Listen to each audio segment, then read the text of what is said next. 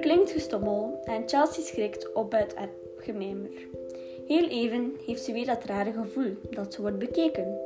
Het bezorgt haar kippenvel op haar armen. Dan hoort ze voetstappen op de trap en het gemompel van stemmen. Bijna moet ze lachen om haar eigen paranoia. Ze vult de waterkoker tot het laatste streepje, maar zet hem niet aan. Eerst maar vragen of Amber en de jongens überhaupt thee willen. Het is een apart gezelschap, denkt zodra de woonkamer binnenkomt. Israël was degene die hen allemaal met elkaar verbond. Wat blijft er van hun vriendschap over nu haar beste vriendin niet meer is? Wat is er nog van haarzelf over nu ze er niet meer is? Hun band was zo intens. Tenminste, zo heeft Chelsea het altijd ervaren. Maar was dat wel zo?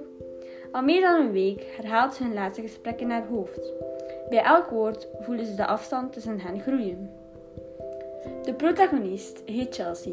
Ze is 16 jaar, ze is in het vierde middelbaar op de school Gymnasium in Amsterdam. Haar beste vriendin is Isra. Ze woont samen met haar mama en papa. Chelsea is een round character omdat ze soms boos kan zijn, maar ook blij of verdrietig. De antagonist is Isra, de beste vriendin van Chelsea. Net zoals Chelsea is ze 16 jaar en ze zit in dezelfde klas. Ze heeft een broer, die heet Nathan. Ze is behulpzaam en zeer gelukkig. Isra is een round character, want in het verhaal heeft ze veel verschillende emoties. De nevenfiguren. Amber. Amber is een goede vriendin van Isra. Ze is ook 16 jaar en zit in dezelfde klas.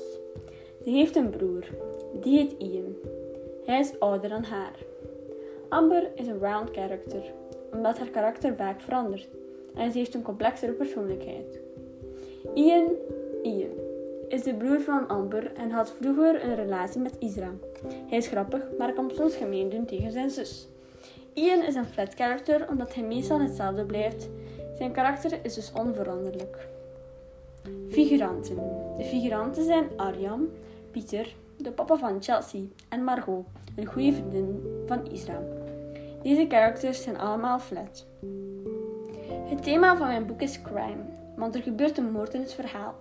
De vertelde tijd is vijf dagen en de verteltijd is ongeveer vier uur om het boek te lezen.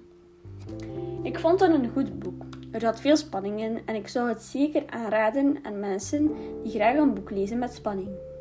Het boek kon me zeker boeien, omdat het genre me aanspreekt en ik lees graag over dat genre.